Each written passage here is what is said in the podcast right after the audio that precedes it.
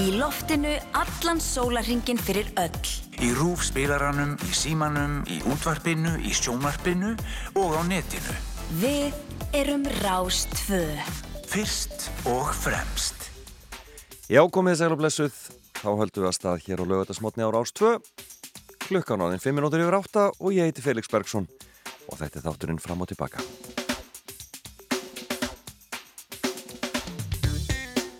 Já, bara hlýtt í morgun, kom út. Það er ótrúlegt þegar sveiflan verður einhverja 10 gráður úr mínus 8 í pluss 2, þá bara finnst manni eins og þessi komið vor. En það er nú vist alls ekki þannig. Það er bara plattaða manna þess, en e, e, það er ákveðt að njóta þess á meðan það er því að það á eftir að kólna aftur hjá okkur þegar líður á vikuna. Það er svona ímisveður í gangi greinlega e, og endilega ef þeir eru eitthvað á ferðinni að fylgjast vel með öllum spám fylgjast með færð á vegum og já, það greinilega fylgjast líka með spám um snjóflóð. Þannig að það er ímislegt sem að getur gerst á landin okkar lága, en við viljum fara varlega, það er stóra málið. Það er mikill þáttur framdar hjá mér, ég er að fá góðan gest hér til mín í fimmu eftir smá stund. Þetta er Kári Kristján Kristjánsson og hann hefur verið að slá í gegn í stofunni eh, á EM, eh, mikill Eh, já, hann er tilfinningaríkur og lætur það vel í ljósi og gerir skemmtilega playlista og svo getur hann líka sagt skemmtilega frá. Hann ætlar að segja okkur á fimm leikum sem hafa haft djúpa áhrif á lífans og já, við höldum okkur í handbóltanum Kári Kristján náttúrulega að spila með IPVaf við hefum verið að spila með IPVaf og eh, eh, en á langan feril að baki í bóltanum og ímislegt sem hefur gerst á þeim tíma. Eh, fættur og upphælinn í vestmanni en við heyrum betur af því hér og eftir og hann svona stjórnar svolítið tónlistinni hjá okkur á þessum fyrsta klukkutíma.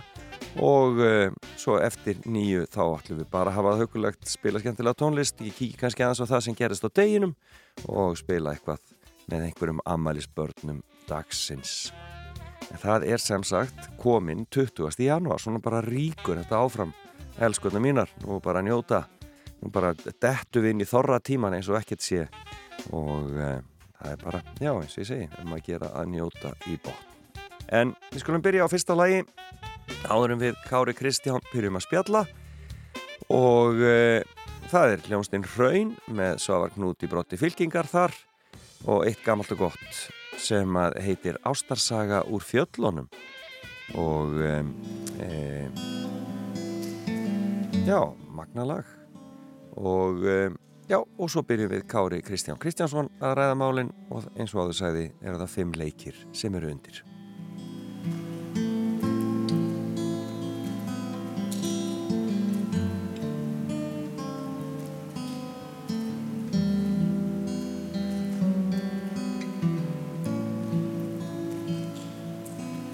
Ég beig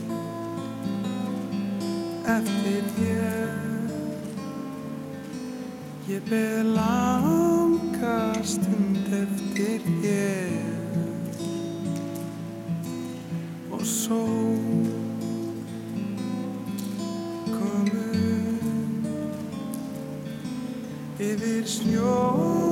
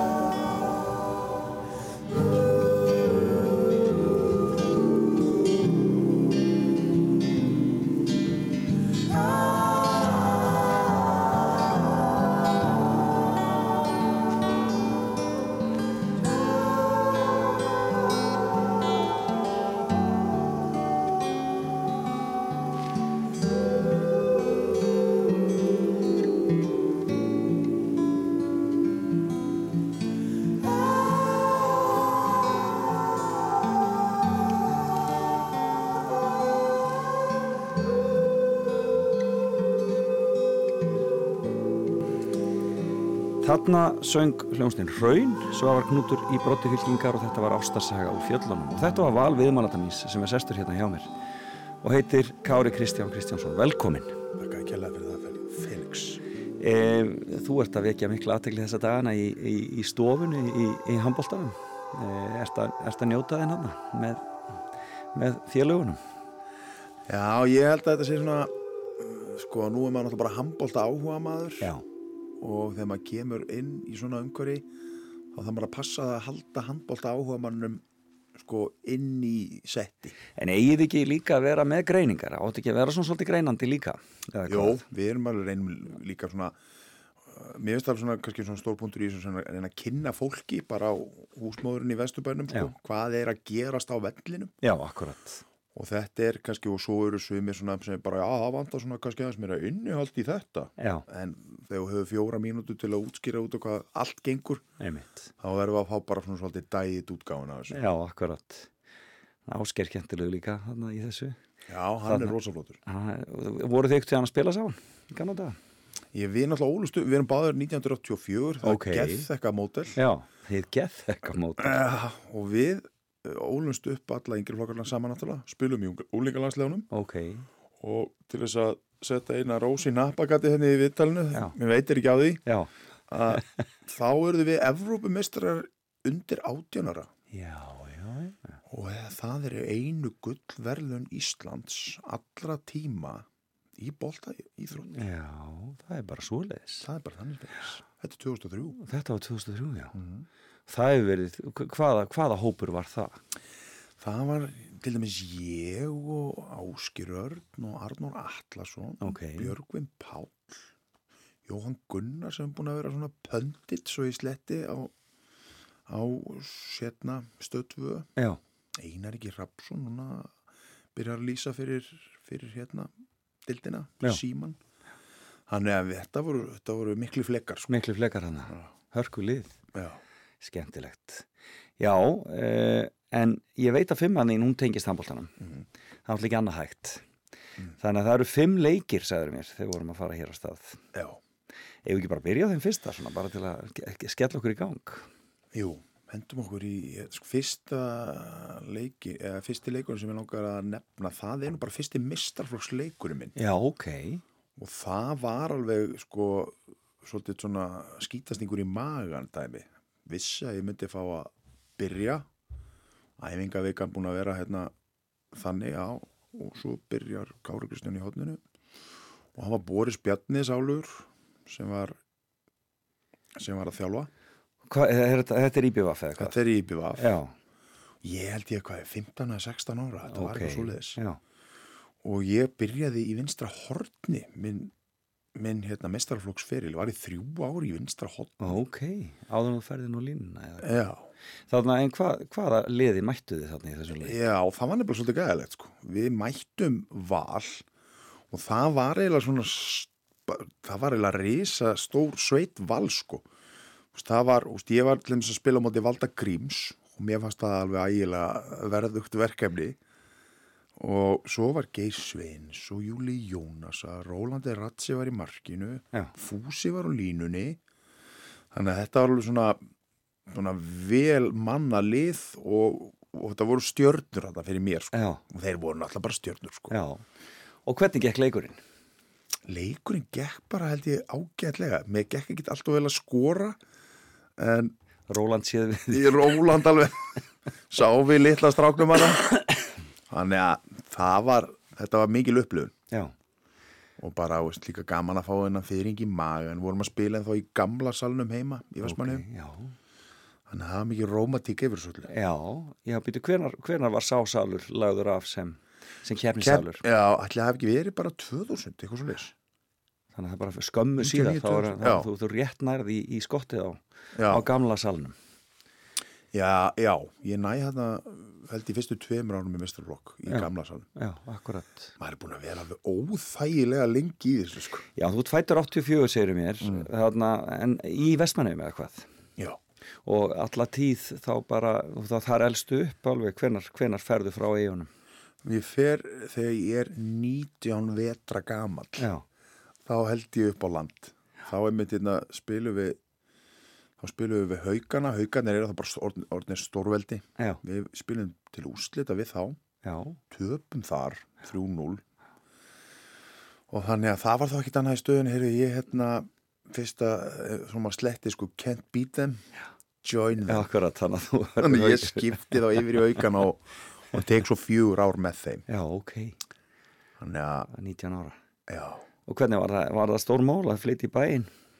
Flytja frá eigum? nei, nei, það var það svo sem ekki. Nei, það er svona við erum svona gerð kassavönn svolítið snemma hana já, maður á að vera svolítið fljótur á, á fætur akkurat. og bretta sér. Já, Þannig að akkurat. maður var alveg klári það bara að vera einn í, eða var að vísu með, kom með hérna kærustu þar, Já, konun í dag. Einmitt. Og það hérna að vera ein í bænum hann að þessum tíma og, og enginn að segja er hérna drullar að fara að sofa eða að kunna átt að koma inn og svona, það var svona ákveðið frelsi í því líka. Já, nákvæmlega. Hvernig var það að stuði vestmanni? það var geggjað sko. Já, og þetta var þetta tímabil ég er svo mikill hérna nostalgíumadur já, Sva- það er allt betri gamla dag sko. Einmitt. Ef ég fengi að ráða þá myndi ég vilja vera svona 15, svona 14, 15 ára 1983 Ok, það hefði verið draumurinn sko. akkurat. Og ég horfði bara einhvern veginn á þetta allt þetta frelsi og bara, þú veist, og hvað þetta var einhvern veginn svona ósvikið. Mér finnst- ómikið gerfi í dag. Já, mér finnst meira ósvikið þarna svo getur það bara verið þvæli í mér sko.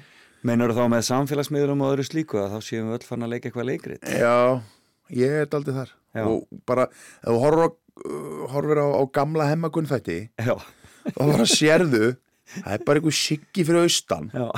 Hann er bara rafvirki Já. en hann er bara ógislega að klára djögla keilum einmitt. í hemmagunn með hann.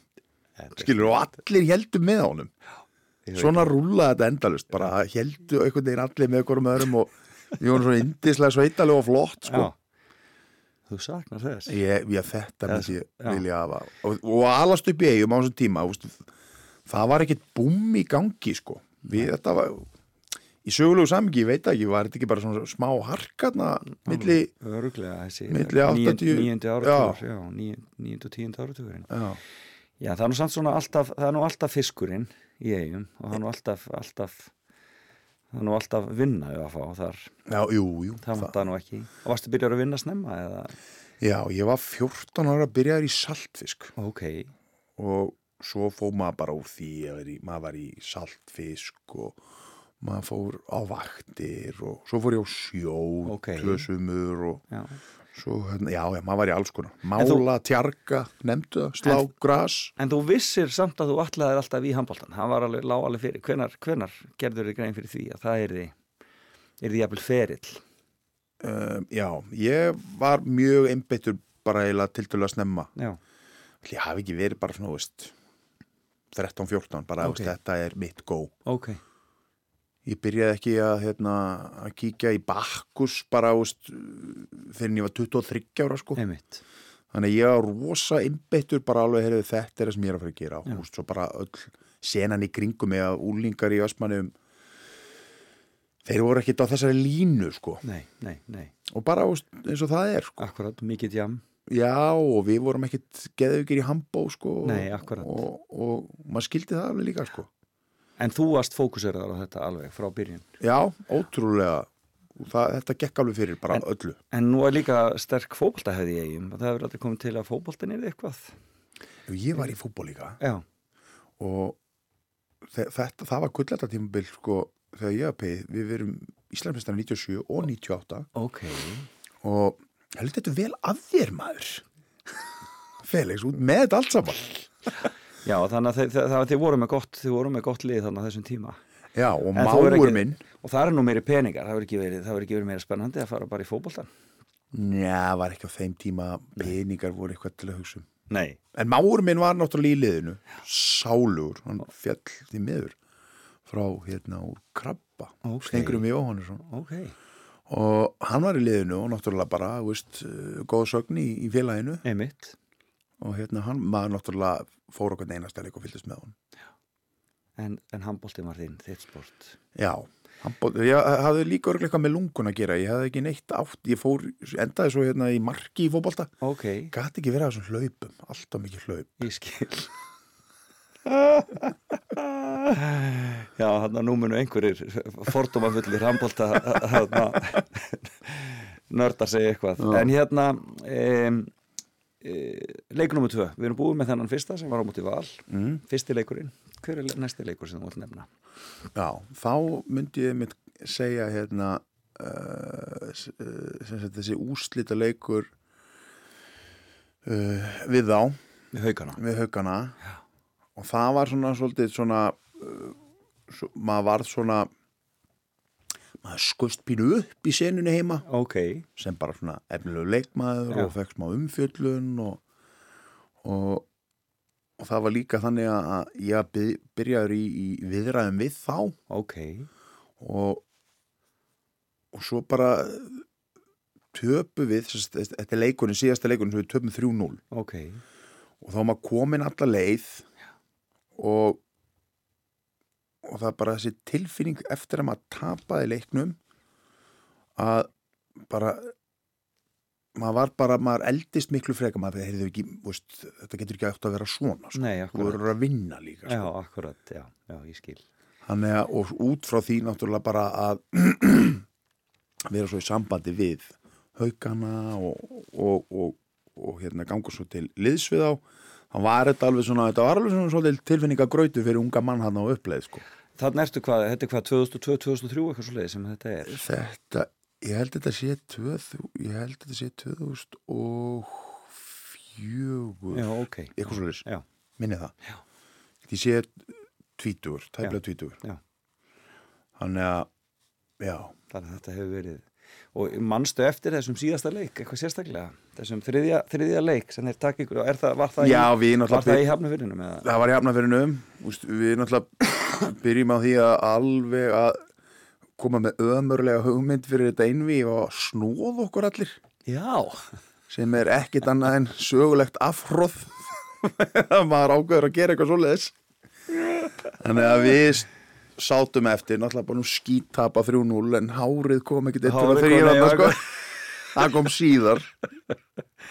Já, akkurat. Þannig að það var bara það var upplifun. Eða sem upplifun, þetta var svona hugsa fyrst, gera svo. Já, en það er oft miklu skemmtilega að gera fyrst og hugsa svo. Þetta er náttúrulega algjör snilt Já, Það hefði getur verið guld eða eitthvað. Mm -hmm. eða eitthvað. Ja, það er etnundu konast stað með haugurum en hvað kom þá ekkit greina að fara að, að huga að atvinnumennsku þarna strax?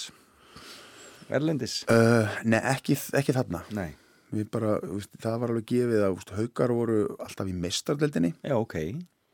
Og það var alveg ótrúlega sexy biti. Þannig að það var, það, það var svolítið, það er svolítið svona eins og showcase eða svona það sýnir, sýnir leikmann á, á stærri markaði. Akkur, og á þessu tíma erum við líka fá haukar voru að spila móti Kíl og fengu svo hérna Barcelona. Ok, og höfðu, sp- ég mynd, já, myndir að það spila líka eitthvað tíma móti Magdeburg.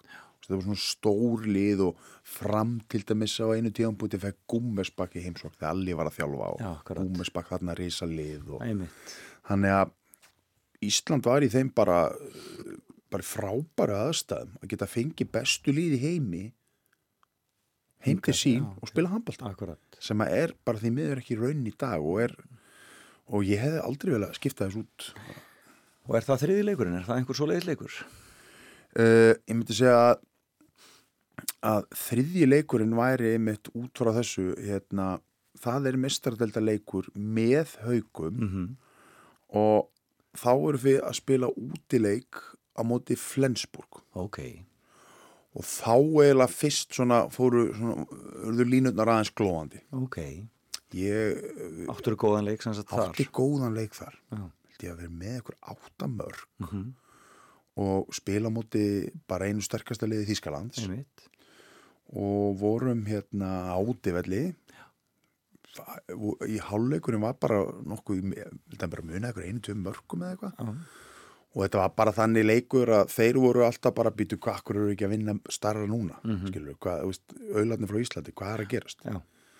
og þarna var maður svona óskrifað blað og fekk mitt svona feedback já, ok, þeir veit ekki alveg neitt sko, nógu mikið um þennan sko. Nei, akkurat þannig að maður kom svona svolítið svona baktina megin að liðinu og, og, og það var bara svo gaman þarna að geta máta sig við stóru strákan út í heimi Akkurat þarna voru bara ef einhver handbólta nördin er að hlusta Jonny Jensen, svona norskur svona einhver hérna skurgröðumeistari einmitt og hann sem var, veist, hann kunni ekki að kasta bolta en hann gæti alveg klippið og, og, veist, og látið finna fyrir því og gaman að máta sem mitt við svona gauðra sko. svona alvöru varnar tröll akkurat, Já. bara svona fautar Já, og, og alveg allt elementið sko.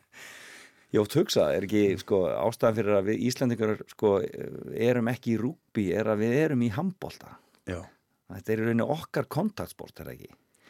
þetta er Svona okkar ruðningur eiginlega algjörlega og þetta er sko við erum ekki að gera neitt annað þegar við erum að fara í íþróttir annað heldur en að losa endorfín sko. Já, akkurat og svo er náttúrulega þessi prímatífa eh, tilfinning að, að vilja berjast Já, akkurat Slást svolítið fyrir já, og það er svolítið þetta vikinga kjartsýran í Já. okkur hún hendar vel með dýran handbólta Akkurat. Er í þessu ati og, og þessu hnóði af því að þetta er nú ekkert fyrir hvert sem er sko að vera alltaf í þessum, svona, í þessum mannlega hnóði Nei, akkurat. Alltaf að hnóðast í ykkurum hérna og ídónum og klípan og þetta er fárálegt Nei, Þetta er stór skemmtilegt maður Stór samt svo ríkala asnalegt sko.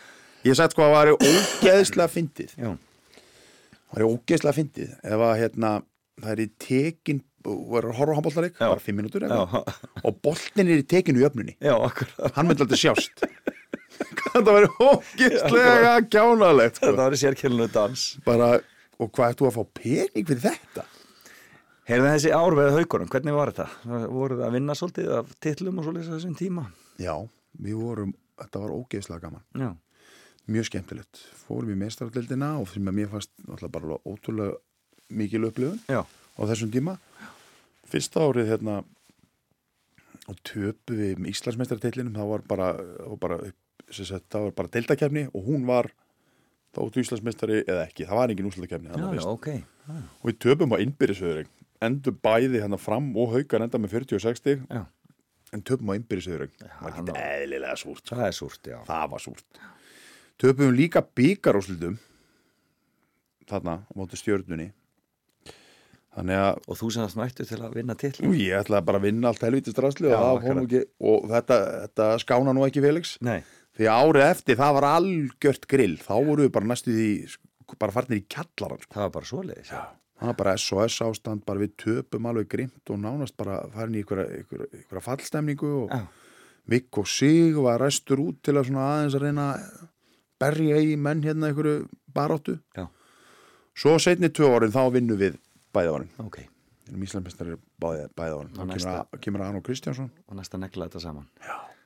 Men Þetta var rosa góðu tími. Já, og gott, alveg ofbáslega gott fólk í já, Góða, frábæra minningar. Og bygguðu þá í Hafnafyrði? Já, ég hérna, ég kefti mér íbúð. Já. og að vísu kíkti ég ekki á hana. Það var bara, hérna, ég var bara þess að mér, mér, mér, mér drullu sama. Þá fóð bara minnina mamma Já, og kærastan á þessum tíma. Það fór bara, fyrir bara og kíktu og býtu, er þetta ekki bara feint? Jú, hún er rosa smart og svona þetta, já, ok, flott ég græði það, svo fór ég bara og kefti íbúðina. Emmitt og svo, svo hérna stækkuðu við, við, við, við okkur, hérna líka fórunni á Suðubraut, Ok, þannig að það var mjög gott að vera í Hafnafri var það ekki? Jú. Gott að búið þar. Já, það var mjög gott.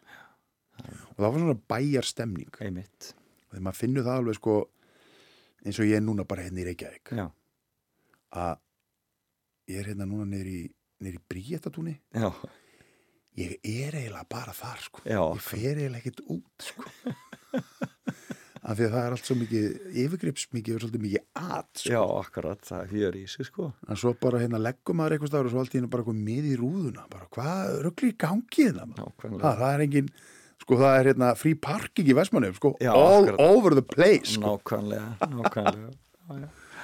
Þetta er svona mismunandi. Þú er bara koma að kíkja í heimsókn í Vesturbæin Það er smá, smá svona ágæti smábæðastefning þar. Já, er það? Já, svona, já, Ok. kíkja í Vesturbælaugin Bíddu. Og þetta er svona ímsum hverfum borgarinnar. Laugartalurinn er vist svona líka og...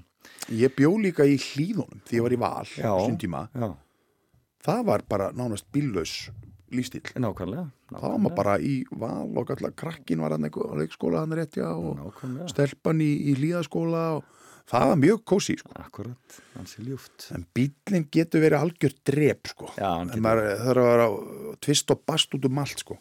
en ég ekki með pönslur til því þá. Það er ekki spurning, Mm. ekki spurning. Heyrðu Kára Kristján, við erum komið með þrjá leiki. Fyrsta leikin í eigum Aha.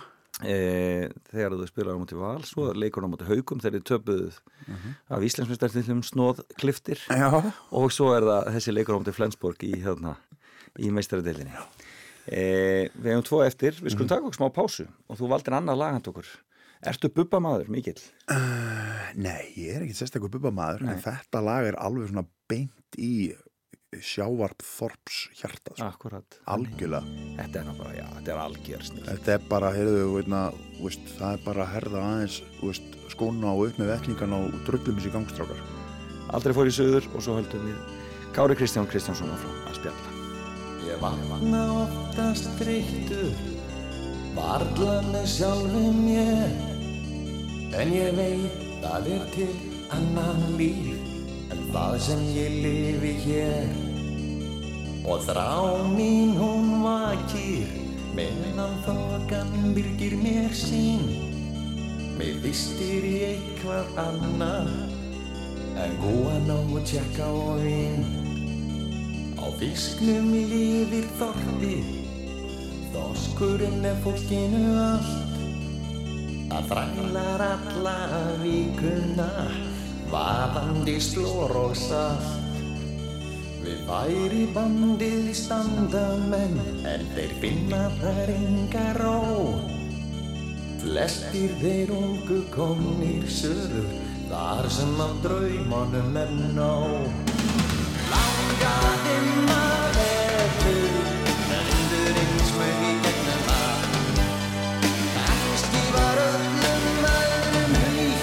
Mér var allavegna katt Það býða þér eftir sumrinu En viðin var laung og ströng Bátarnir lágu tómir við kæjan Í kynungunum söng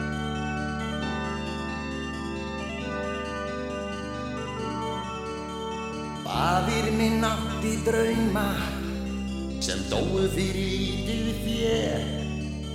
Mér dreymdum að verða manni en ég náð honum aðeins í nér.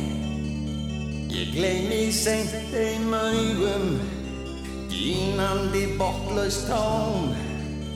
Gamall maður fyrir aldur fram með brostinn hrjúvan róm.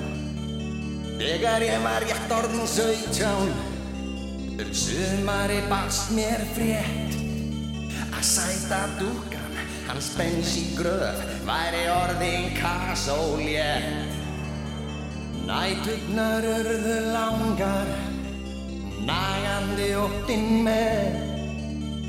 Neldur ég gat ekki tekið tilbaka Það sem hafði skér Langaði maður betur. Vindurinn smög í gegnum það. Kannski var öllum öðrum hlýtt En mér var allavegna katt Það býð allir eftir sumrinu. En lífin var laung og ströng. Bátarnir lágu tómir við kæjan Í kynungunum söng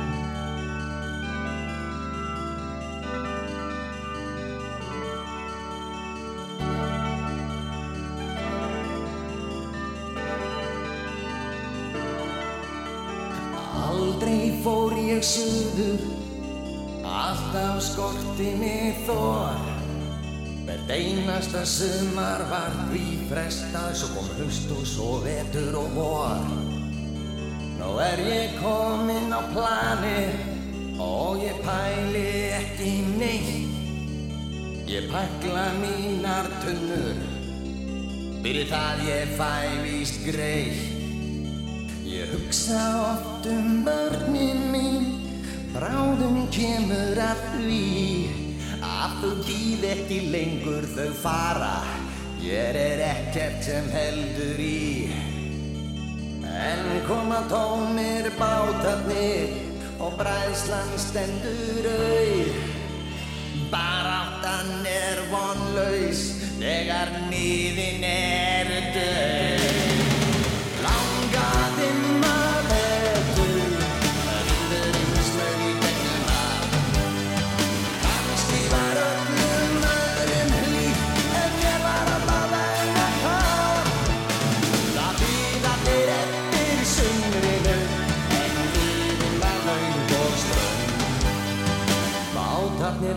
lágu tómir við kæjan Í kynungunum söng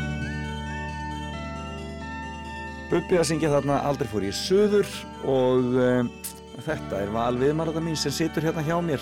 Uh, hann heitir Kári Kristján Kristjánsson og er handbóltamaður uh, og uh, er að vekja aðtegli mikla þessa dagana meðan við fylgjumst með íslenska landsliðinu á EM í stofunni. En sko hvernig er að setja utan vallar og fylgjast með félagunum ganga í gegnum svona mót? Færðu færu fyrring, langar það að vera þarna? Eða þarna, er þetta bara, er þetta bara erfitt kannski? Þetta er svona begja blands, stundum fær maður hérna mikil mennsku brjálaði bara, heyrðu, búist, ég hef nú bara gjört þetta svona, sko, einmitt. ég, ég bara okkur, veist, ég hef bara staðið hérna og fengið það svona, sko, Einmitt. algjörfleiki en þetta er líka, sko, svo maður á maður vini hana líka. Einmitt. Og maður þarf að, það er alveg erfitt. Maður þarf að passa, hefur býtu ef að hann stendur sér ekki vel þá getur ekki bara, heyrðu, setja á drenginu með það, sko. Nei, þú er bara, heyrðu, ég veð bara neglan hann og það var bara að það væri ófaglegt og ekki og bara óvirðing við hann Já, já. ef ég myndi ekki segja, heyrðu, Að gaggrín ekki. akkurat. En svo bara eins og það verið að sjást kannski ykkur svona ykkur að glefsur svona bak við tjöldin það er bara svona svolítið maður ég að horfa á íþróttaleik Já. maður er bara klikkaður Þú situr ekki í sófanu sérst. nei það Ekki er bara nei maður er með alveg tömlösa njálkarna Já, bara snakk og svo bara skellt í sig og Einmitt. hvað er að gerast hérna og svo orða lepparni Felix uss maður Svona er þetta. það eru nokkra Maríubænir á mann eftir þannig Eftir, það, já, eftir nokkra leiki. Já. En þetta er ekki búið að ganga vel. Ekki eins vel og menn vonuðu.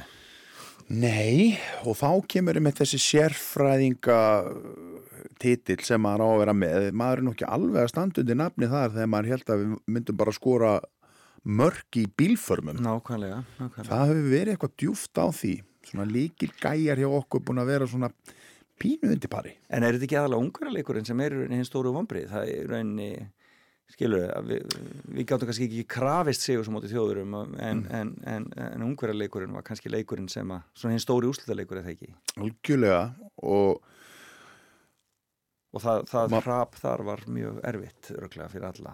já, líka að- því að sko mikilvægi leiksins Já, og hvernig við einhvern veginn náum aldrei að stýra leiknum og bara og með hvað við erum með stóra prófíla akkurat. við erum með, myndi ég segja á pappirum miklu betra liðin ungverjar Já. þannig að það voru ákveðin vombrið bara þessi líkamstjáning og bara sko, Ísland er ekki lítil þjóð í handbolta Nei, akkurat. þótt hún sé það á heimsmæli Akkurat, já, já, en í handbolta er Ísland stórþjóð já, akkurat. og við vorum bara betra leið á pappirunum og mér fannst við hefði við sett, sett svona döss, dass af hérna, sér íslenskum roka í þetta Akkurat. sem að þarf í íþróttir og bara svolítið kassan út og hérna strákar það er blóð á tönnunum Já, já. við vorum allt og eftirgefanlegir fannst mér í leiknum og eins og ég segi þessi líkastjáning hún var, hún var, hún var ekki að selja það Voru er ekki að það þrýr íþjóttumenn ásins í röð sér það? inn á vellinu. Já, hún sér það Svona er þetta.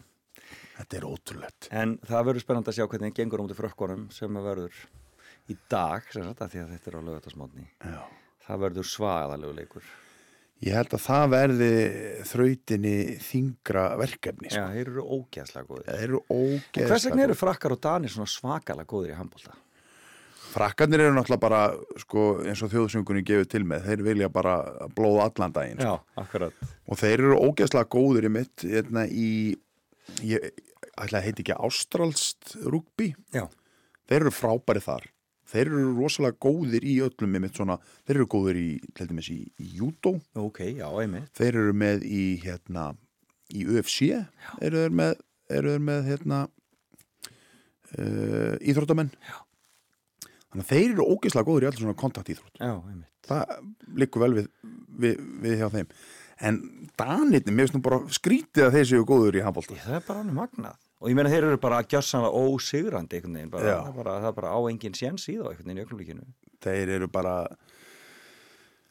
þeir sko, þeir eru sko, þeir eru svo útsjónasamir Já, og svo náttúrulega það skemmir náttúrulega ekki fyrir skilur að tíðanandin er handbólt í Danmörku í dag. Og er ekki ég meina nákvæmlega, Dani hvað er þeir, 6 miljónir í dag akkurat, 7, eitthvað- Já, eitthvað svo leys þannig að og, og, og búmið er þar er bara skilur svolítið hérna, fótbolti og hjólreðar og, og, en svo er bara handbólti svolítið ofalega. Akkurat. og til að mynda, veist, Mikkel Hansen hann er stjarnar í Danmörk Nákvæmlega, það er náttúrulega skiptir máli að það sé svo leiðis Já, ég meina, veist, hann er bara að auglýsa sjampó fyrir shoulders bara. Þú veist, þú þú sér það þú sér það ekki fyrir þér skilur að hérna, Gísli Þorgir and shoulders. hann hefði ekki snúðað sér fyrir einhvern tíðan, hann hefði ekki gert það. Ekki út af shoulders stílunum Nei, hann að, veist Það, er náttúrulega algjörlega að hjálpa dönunum bara hvað handbólti er vinsæl Nákvæmlega, nákvæmlega. af því að handbólti var ekki svona rosalega vinsæl fyrir rúmum 20 árum eða að segja 30 árum. Þá var kvenna handbóltin í Danmörku stærri heldur en kalla handbólti og Anni Andersen bara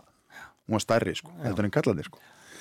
en svo bara eins og segi svo bara þegar þú ert komið með mengi sem er orðið ofbáðslega stórt og svo er bara, svo er bara líka hérna, þjóðarsalum bjó, ég bjóða þannig bara í eitt ár. Já, þeir eru ógislega líðhilsulegir já, ok danir, Þrátt fyrir reykingarnar og, er það ekki bara undanaldi? og bjórin, bjórin í háttegin og það. Já, ég, ég, ég held að Það bara undan- ég held að þetta sé bara einmitt, farið, já, sé bara svolítið ekki lengur múli Nei, ég tók einmitt ekki eftir þessu bjóri hátegi og reyngar. Það voru bara allir að fara að hjóla, lappa, telja heitaeiningar Ég þarf greinlega að fara að skipta um vinahóp og- og borða svona brúnt brauð.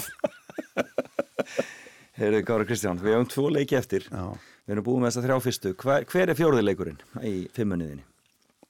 Fjóðuleikurinn er landsleikur á móti dönum 2020. Ok, bara förum beint í þannig Já, hann var alveg geggjaður því að sko ég ætlaði mögulega að fara að koma með vombriðuleik sem var Já. hérna 2012 London á móti ungurum en það má ekki, Nei, þannig að við tökum hann ekki. Tökum hann ekki. En þessi er leikur á móti dönum 2020 Já, það er fyrsti leikur í reyðli á hérna HM að með minni Mhm. minnir, held sé HM eða var hann HM held ég. Og Gummi kominn Gumbi var kominn og þarna kem ég svolítið svona bakdýra megin inn í landslið aftur, Já. var ekki hérna á mótinu áður.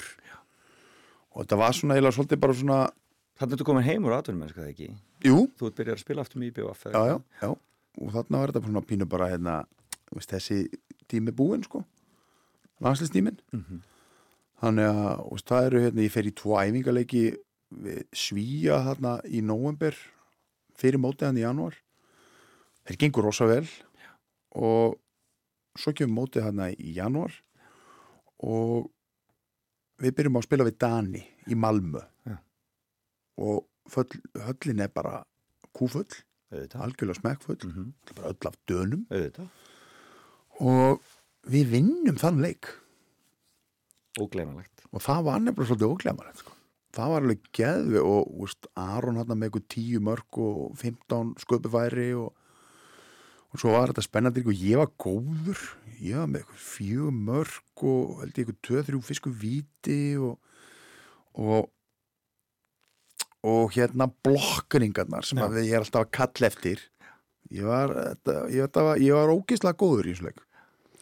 Og hérna og hann, hann er alveg bara hann, hann er, já, hann er óglemalega þessu leikur. Nákvæmlega. Og líka þegar við vorum að spila við spilum á móti heims og olimpíumisturum Dana, fyrsti leikur á móti heims og olimpíumisturum Dana. Mhm.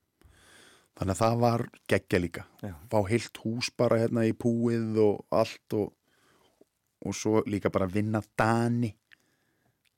Ha, Við viljum ekki trekar ónýta mjölið og gamla sagan sko. Við viljum ekki trekar Ó, það var indislegt sko. Frábært. En uh, þú varst samt komin heim Þetta verður ekki mörg ár í atvinnum sko, sagði mér áðan áður en við byrjum að spjalla. Nei, ég, það voru bara fimm ár. Hvar varstu á þessum tíma?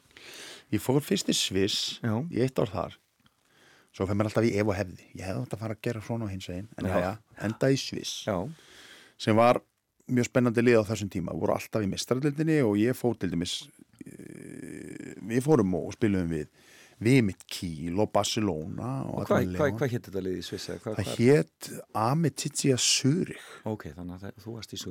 Já, og þegar við spilum við Kíl þá var það nú í fyrsta skipti held ég allra tíma, það var uppselt á handbóltalegi Já, þannig að það var gaman. Já, Aron var að spila minni mig. Alfreð að þjálfa þannig að þetta var bara mjög flott en, en heilt yfir þá var kannski svona Sviss handbóltin ekki alveg svona það sem maður var að leita af á nei, þessum tíma. góður kannski, nei, þannig að ég færi mig svo yfir og fer til Þýskalands. Ok, og er þar í þrjú ár. Og það er bara, skilur svolítið, þetta er svolítið Groundhog Day. Já, þetta er bara æfa, geta, gimme five og kannski eh, stund, yfirleitt þrísari viku, fjólusum viku, tvær af einhverja dag. Já, og svo bara, það er búið þá, er, þá voru í, í gamla dag þá var maður alltaf með flakkaran já, fullana efni og veist að fá friends með íslenskun texta Einmitt, já, bara akkurat. gull já, tíma. Já, akkurat, á flakkaran, já, á flakkaranum og það var bara, veist, þetta var bara svona svolítið já, maður var veist, byggum hérna 30 km frá Frankfurt. Já. ég held ég að á þessum tíma hún ég tvisum til Frankfurt. Ok, en þetta var bara svona, skilur sveitabær. En mikil vinna þá í rauninni samt, þú veist, þetta er, þetta er heil mikil vinna, tvær af einhverja dag, þetta er, þetta er heil mikið að fara í gegnum eða hvað, já, já, maður spáir í þessu þannig sko, og svo þetta keppa og þú ert að og keppa þá, keppnisferðir og það allt saman, já, það er nú eitt bíóið maður. Nú. svo, veist, svo bara, heyrði hérna það var svo fyndið, ég var í liði sem var svona í svona miðjulið. Eða fyrir neðan miðjulið. Já, og það var bara hérna, já já, nú erum við að fara að spila hérna við besta liði sem var hérna Kíl já.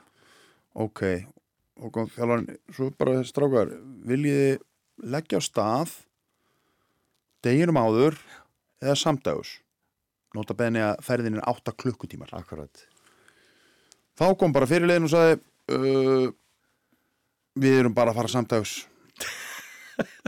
og sagði bara, eru, veist erum bara að gefa mútið Kíl sko.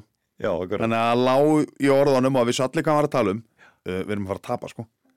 Við erum ekki að fara deginum áður til þess að fara að tapa. Þannig að bara var gleymið því. Drullum okkur bara, látum flengja okkur og komum svo bara heim. Og það var svona svolítið hérna Fannst mér í þessu svona svolítið skrítið Skrítin hérna hugsunaráttur oft. Mjög skrítið Það var bara sett upp tímabilið. Við erum hérna 20 leikir.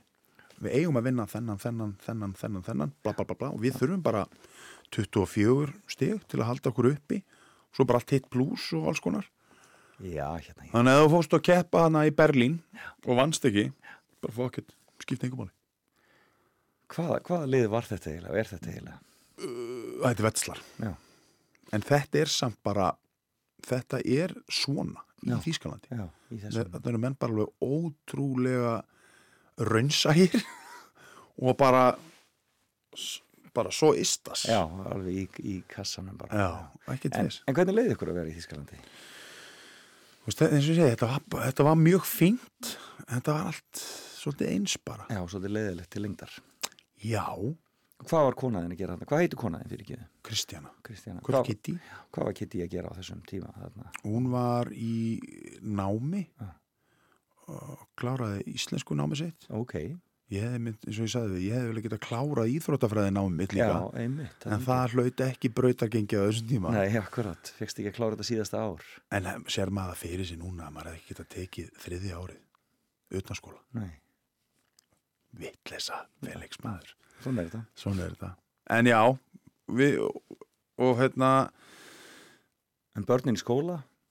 uh, ég, á þessum tíma við erum bara með eina rosa unga Já, hún. Klara, Já. hún er bara eh, í Þýskalandi er hún þryggja fjórara Já. Pegin kemur í heiminn 2013 Ok, þannig að hann fæðist í Þýskalandi já, þannig að þetta var allt mjög fínt skilur, þetta Já. var allt bara svolítið litlust við vorum skil. að horfa á lífi svolítið svartkvít skil þig. þetta er ekki svolítið sterk lína Já, mjög góð lína. við erum að horfa á lífi svolítið svartkvít þarna sko En hvenar haldið þið þá heim aftur?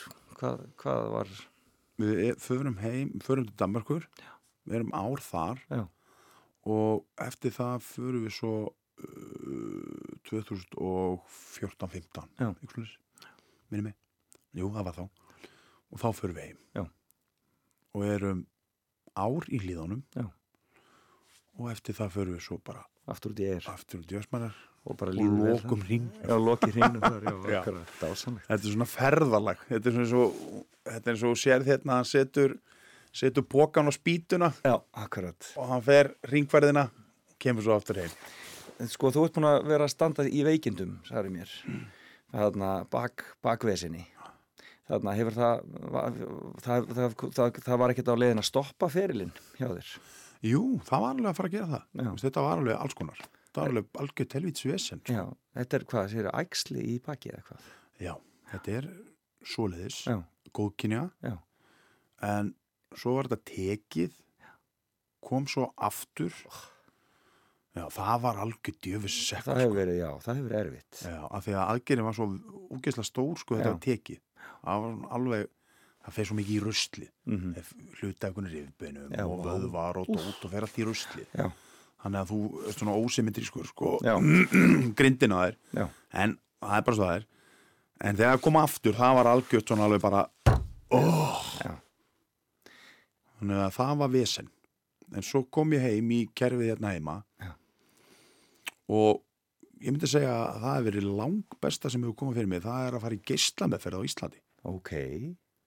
Þannig, að- og það er bara búið að vera mikil hérna, bara guðskjöf ef ég á að segja alveg eins og er. Ok, það er að fara í geislameðferð á Íslandi. Og það er alveg búin að láta þetta minka og gera þetta allt miklu bærilegra. Akkurat. Og þú hefur getað að spila handbóltana frá Já, það er náttúrulega líka bara alveg sko óhefluð þrjóska sko.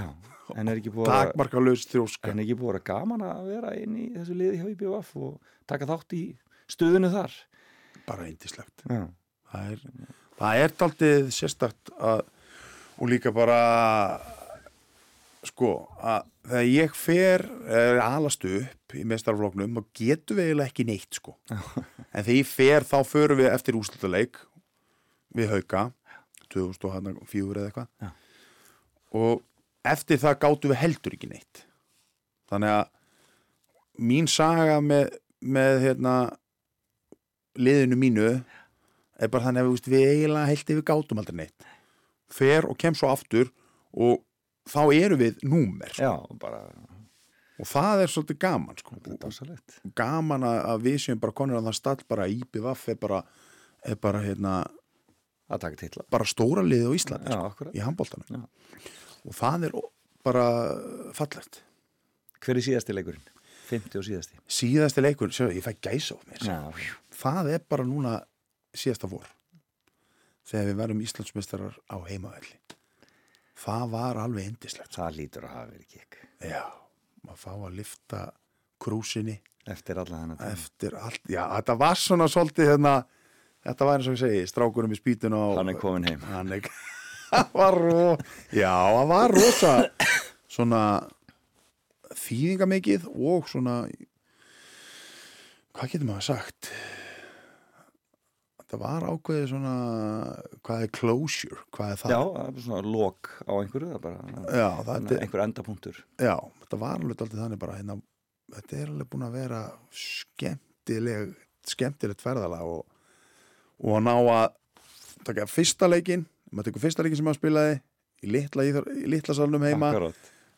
á móti þessum leik fyr, sko, sem var, ég man ekki hvað það voru margir í húsinu sko. ég vil ekki eins og segja Nei, var bara lirfur út um akkurat, akkurat og að vinna, það var alveg óglemalegt sko. Dásanlegt. Kára Kristján, tíminn algjörlega hlaupin frá okkur. Við hlökkum, ég hlakka til að sjá þig í stofunni setna í dag. Bara, eigum við ekki bara að segja að vera vongóðir fyrir þennan leika mútið frá. Jú, við skulum bara gera það. Ég held að allt yfir jafntefli er stórkostlegt. Takk fyrir spjallið. Þúsund takk fyrir félagsminn Ég finn svo mikla ró. Þegar ég er með þér finnst mér ég meira en nóg. Ég slaka svo vel á. Engin stælar, engin tilgerð Ég get fælt hár og verið með skítut hár. Það er ekkert sem þú mátt ekki sjá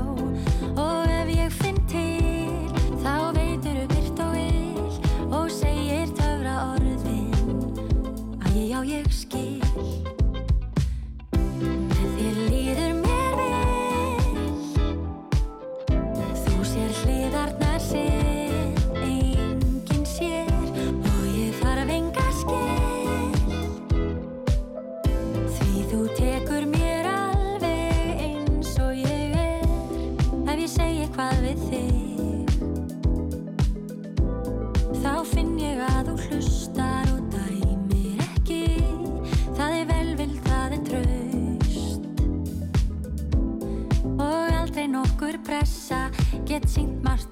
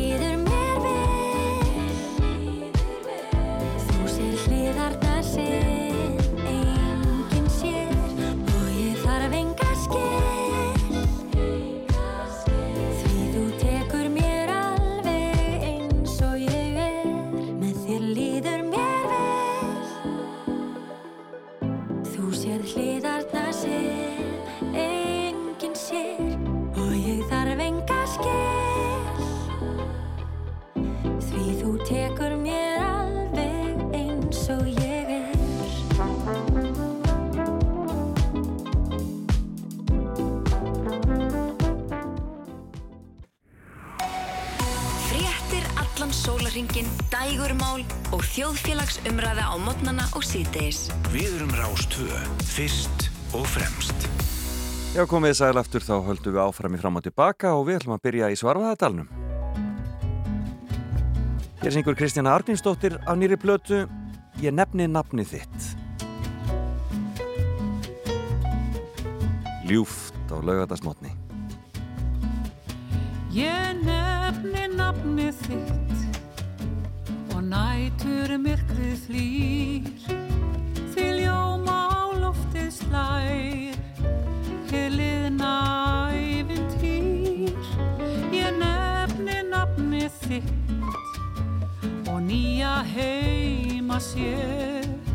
Þar grær hér vilt af vín Þar vakka pálmadri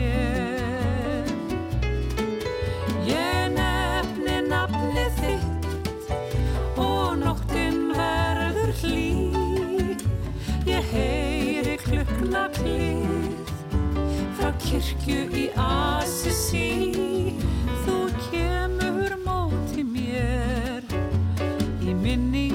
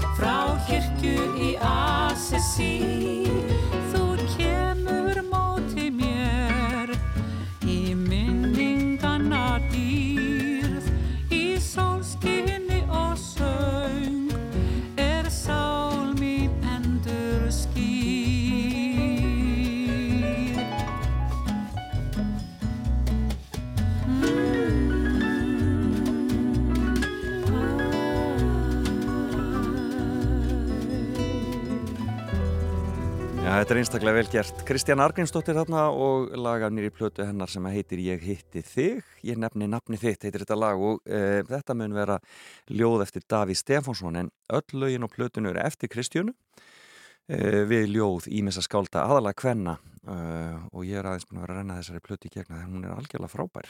Mæli með henni, einn hand, Förum í eitthvað allt, allt annað hér. Þetta eru Måneskin.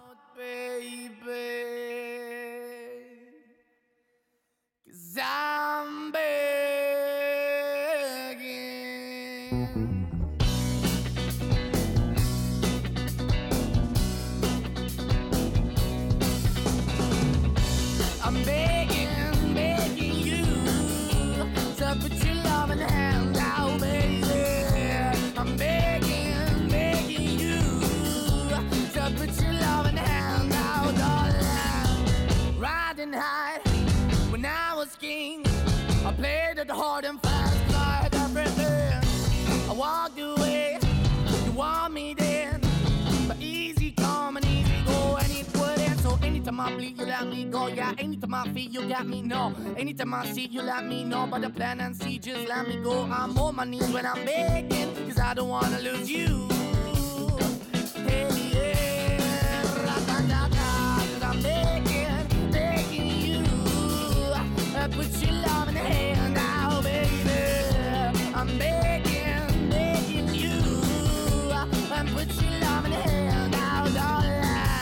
I need you to understand.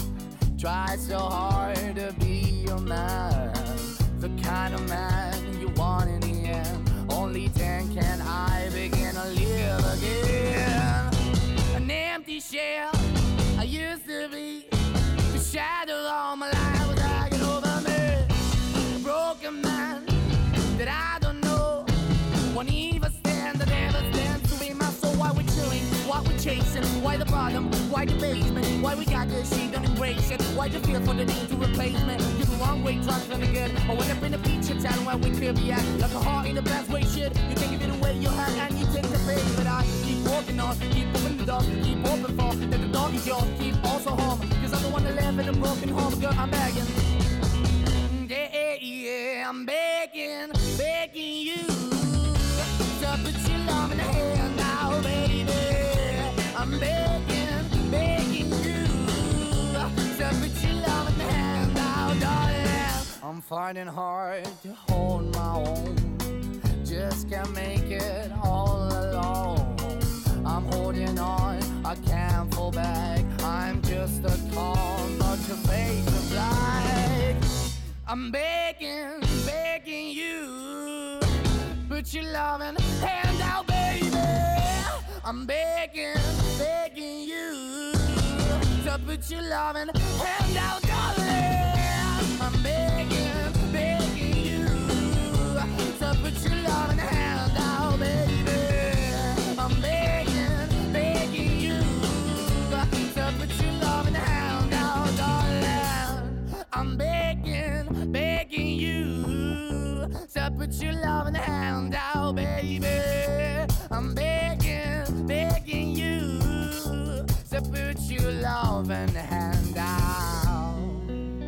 Felix Bergsson fer fram og tilbaka á Rás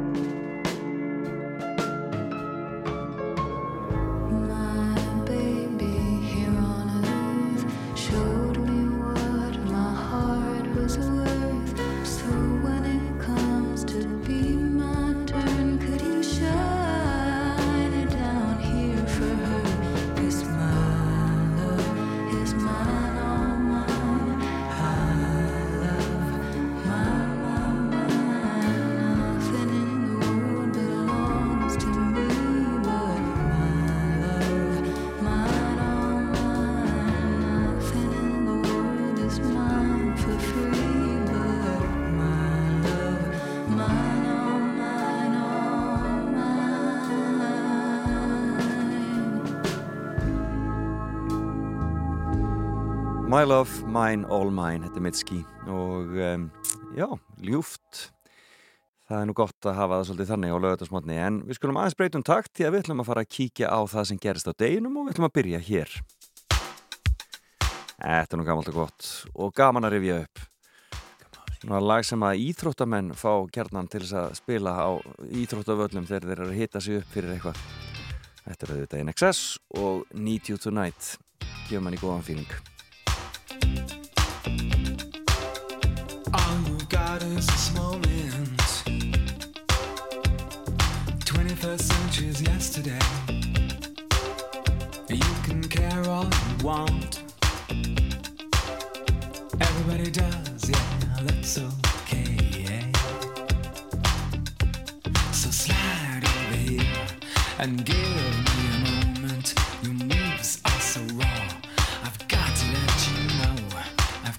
Let you know.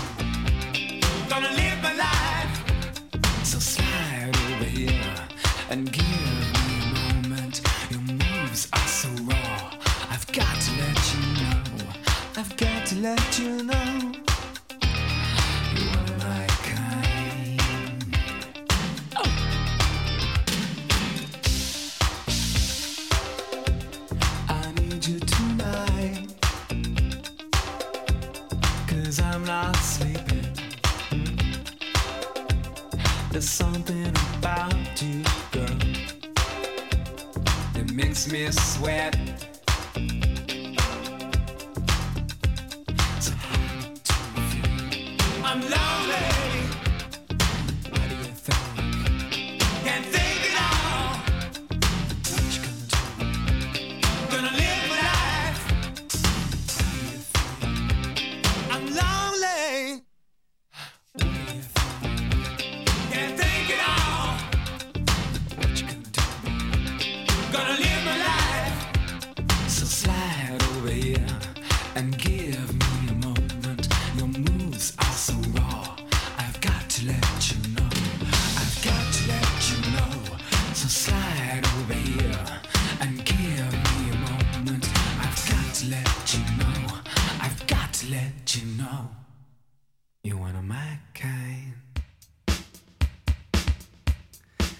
Er hljómaði það, alltaf klassíst. Excess, Need You Tonight og um, þetta er til og með því að daginn í dag, 20. janúar, er dagurinn sem að Michael Hutchins söngvari Excess fættist árið 1960 en hann dó náttúrulega allt og allt að snemma 37 ára gammal árið 1997 og svo saga hefur oft verið sögð. Já, en sem sagt í dag er 20. janúar, 20. dagur ársins og e, það er hlaupár þannig að það eru 346 dagar eftir af árinu fólki mérni minna já, það er einhverjir sem fagna ammælinu sínu 29. februar sem munu fagna í ár það, er, það, það verður örgulega mikið látið með það en það er ímislegt sem gerist á þessum degi í gegnum tíðina og ég held ég byrjum bara hér árið 1885 þegar L.A. Thompson fekk enga leifi á rússibananum Já, það er mjög áhugavert. Árið 1921 var fyrsta stjórnarskrá Tyrklands samþygt og árið 1942 var ógeðslegasti, einhver ógeðslegasti fundursögunar haldinn þegar vanse ráðstefnan um endanlega lausn gýðingavandamálsins fór fram í Berlín. Já, ég held að þetta sé, já, sannarlega einhver ógeðslegasti fundur sem haldinn hefur verið. Og þarna voru þeir félagarnir að plana það, hvernig þeir ætluði að klára það bara að útrýma öllum gýðingum. Og þetta er náttúrulega e, mál sem að við erum ennþá að, að ræða í dag, svo sannarlega. 1956 Vilhjálmur Einarsson kosin íþróttumæður ásins og þetta var í fyrsta sinn sem kosi var og hlaut Vilhjálmur titilinn sex sinnum í hröðkorki menni minna. 20. janúar líka dagur þar sem margir fossetar hafa verið settir í embætti í bandaríkjónum. John F. Kennedy hérna, Jimmy Carter, Ronald Reagan, George Bush, Bill Clinton, Barack Obama og Donald Trump. Joe Biden líka, allir settir inn í embætti á þessum degi 20. janúar. Þannig að það er, sem sagt, þetta er mikil, mikil, eh, mikil fosseta dagur í eh, bandaríkjónum. En árið 1980 tilkynnti Jimmy Carter á þessum degi að bandaríki myndu sniðganga ólimpíuleikana í Moskvu. Það var stórmál á þeim tíma. Og Íranir sleftu árið 1981 52 bandarískum gíslum sem höfðu verið í haldi þá í 14 mánuði og það mál er ennþá einhvern veginn. Það verðum ennþá að upplifa eh, áhrifuna því máli.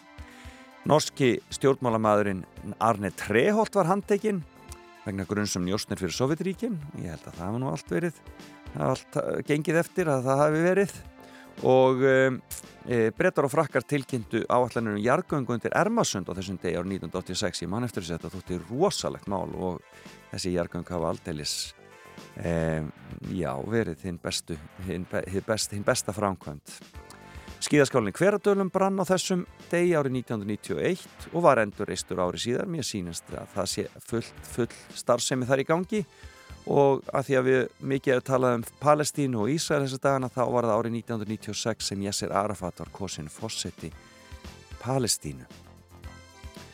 Já, það er ímislegt sem hefur gerst á þessum degi og svo er það ímislegt í listunum líka.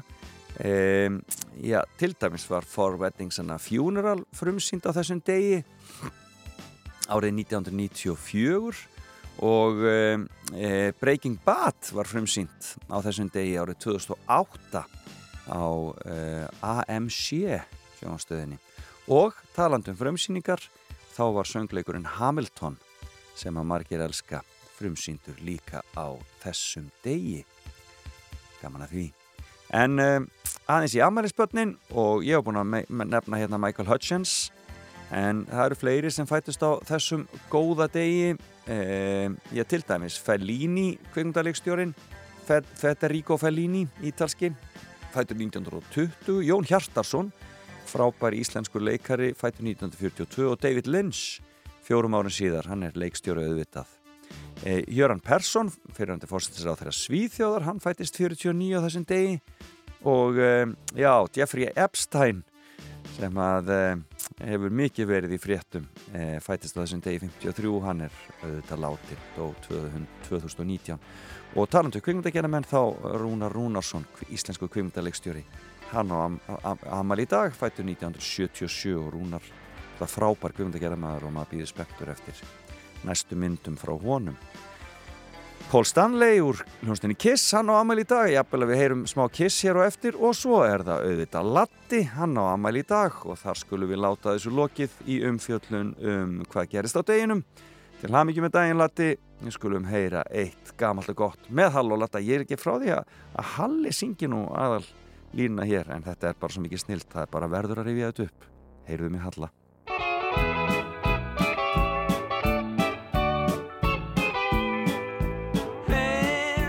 malla Hvað er þú að malla? Viltu ekki malla eitthvað onni mig? Ég er hungraður og mikill matmaður. Merkilegt að mægin skuli melda svona mikinn mat Ég vil fá teiktan snáp og sníkla graut. Geðveiku gæsina sem af í skaut. Refa hakki, rói, stopp og rifin ost. Þetta kalla maður veislukost Hei, heyrðu mig halla. Ég einn galla. Galla skildi kalla halla valla myndi ég slá menn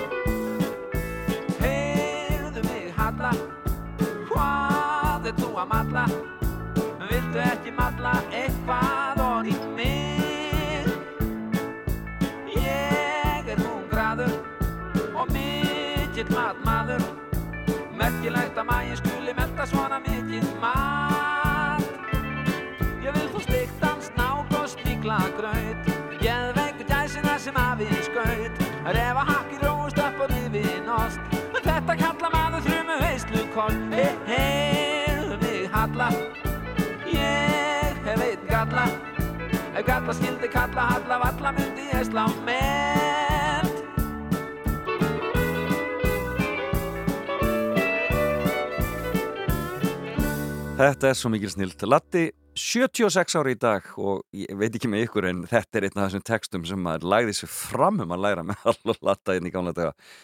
Ef kalla skildi kalla halla valla myndi ég slá með þetta er bara best. Beint úr efstaleitinu í Reykjavík.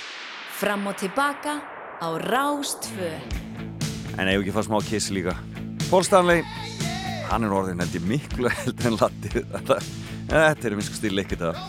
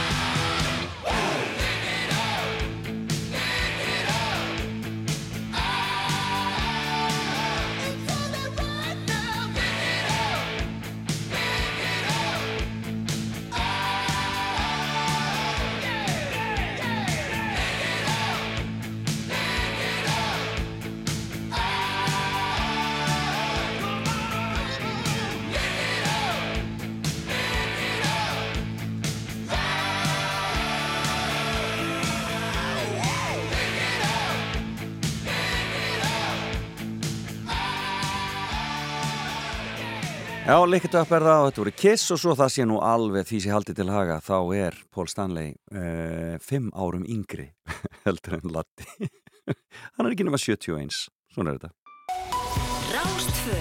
Fyrst og fremst.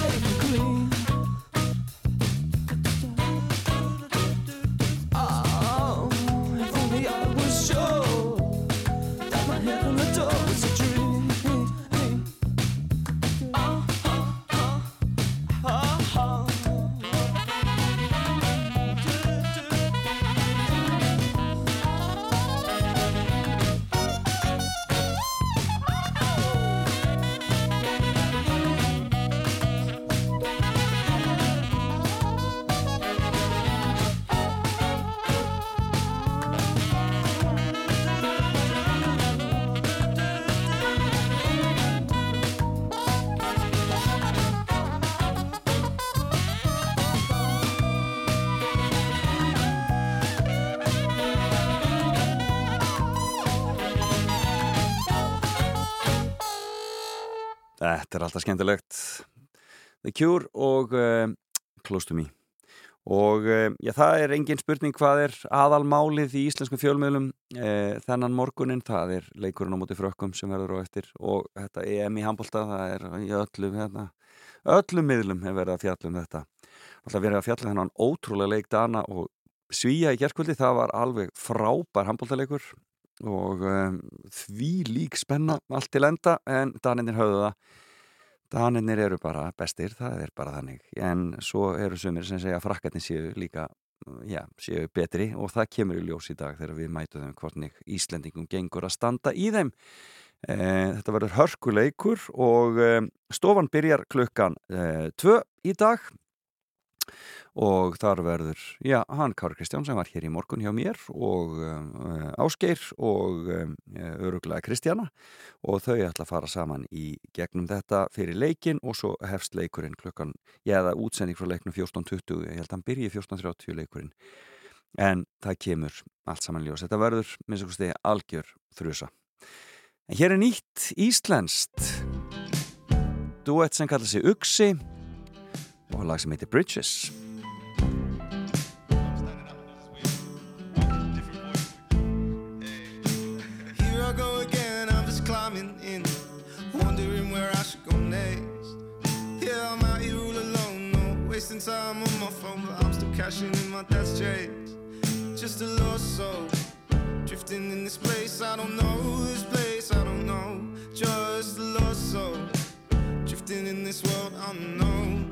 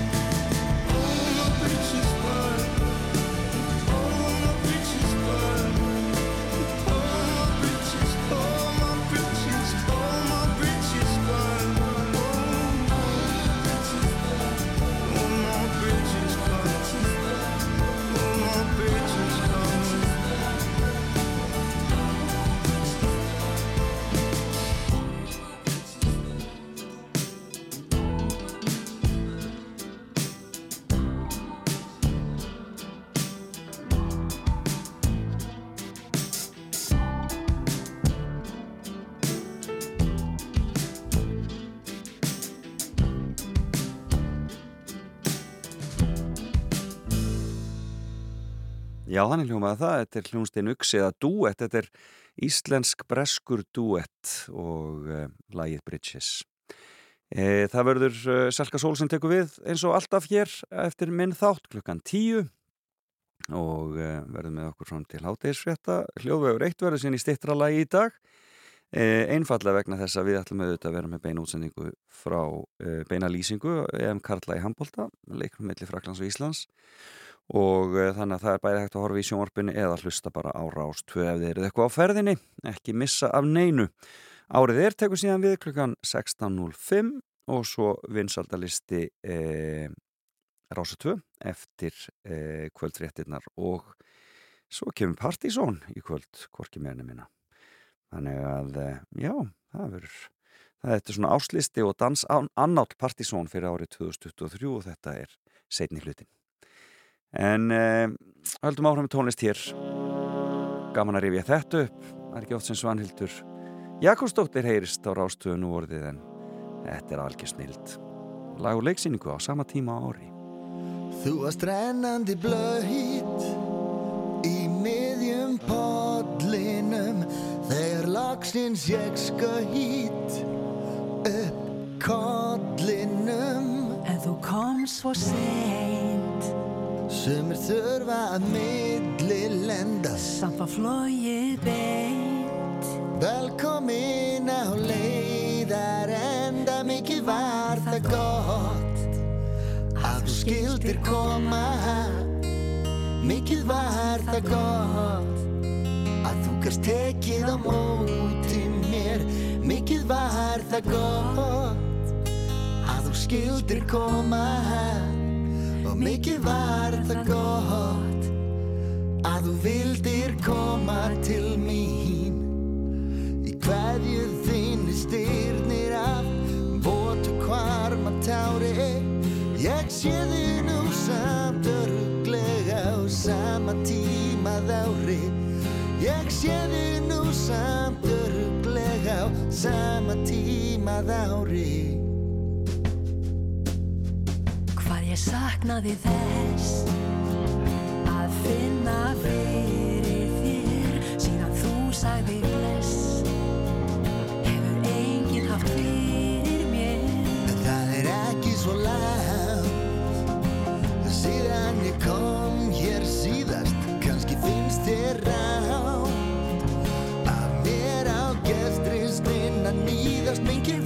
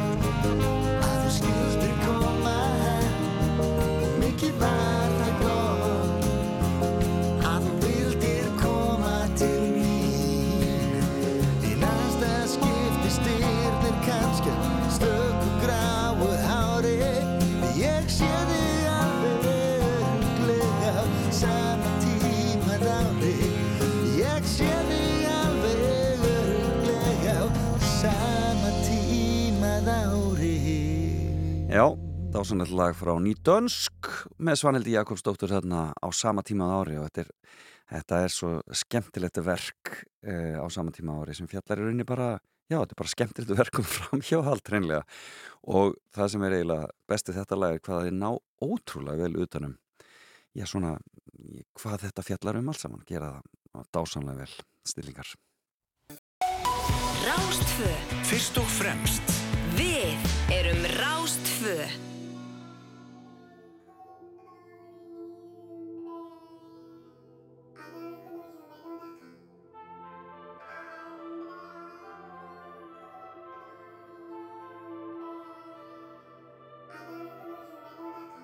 hjarta mínu er eldu sem brýst í gegn. Þau segja tíminn sé að renna út. Þá vil ég sína þér þótt það sé lítilsvert Þau segja tíminn sé að renna út. Draumar taka skjótan endi Opna augur varlega og ég sé þig Ég á minningar um góða veðrið Sumarið og orðin sem að ég stend við. Tókst að stassa mig í rósa beði Læra þessu og vara mig hér eftir. Undir holdinu er gróa efnið Viss á mínu svo ég slóra ekki Óþarf við að sjá skýrt ef útsýnið er skýrt Bara ef það er hlýtt og hér er það. Motherfuckers út um allt við látum okkur hverfa. Þetta hér er tandur reynd sitt ég sverða. Eitthvað verða allir sann að verða. Laus og skrúi fyrir pappa herða. Og um flýjanleg örlögun það má reyna að tefja. Ef þú byggðu mig mun ég berjast. Í hjarta mínu er eldu sem brýst í gegn.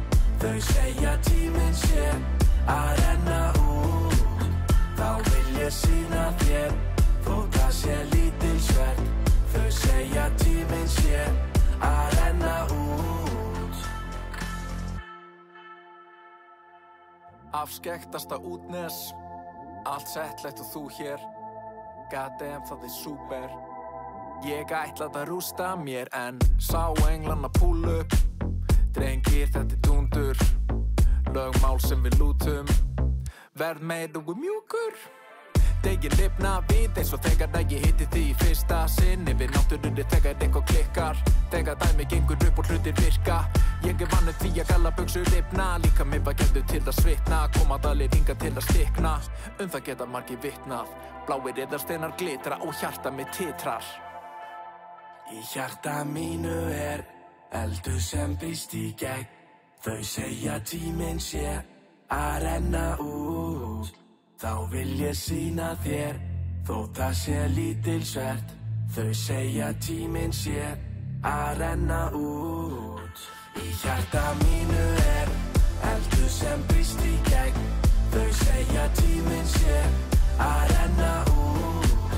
Þá vil ég sína þér þótt það sé lítilsvert Þau segja tíminn sé að renna út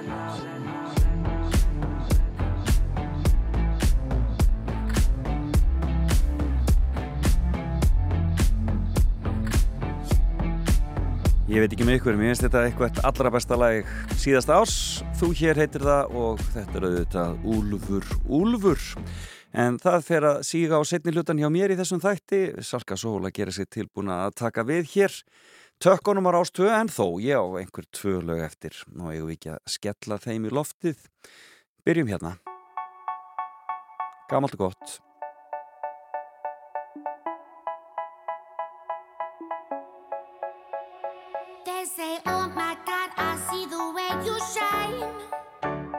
Take your hand, my dear, and place them both in mine. You know you stopped me dead while I was passing by.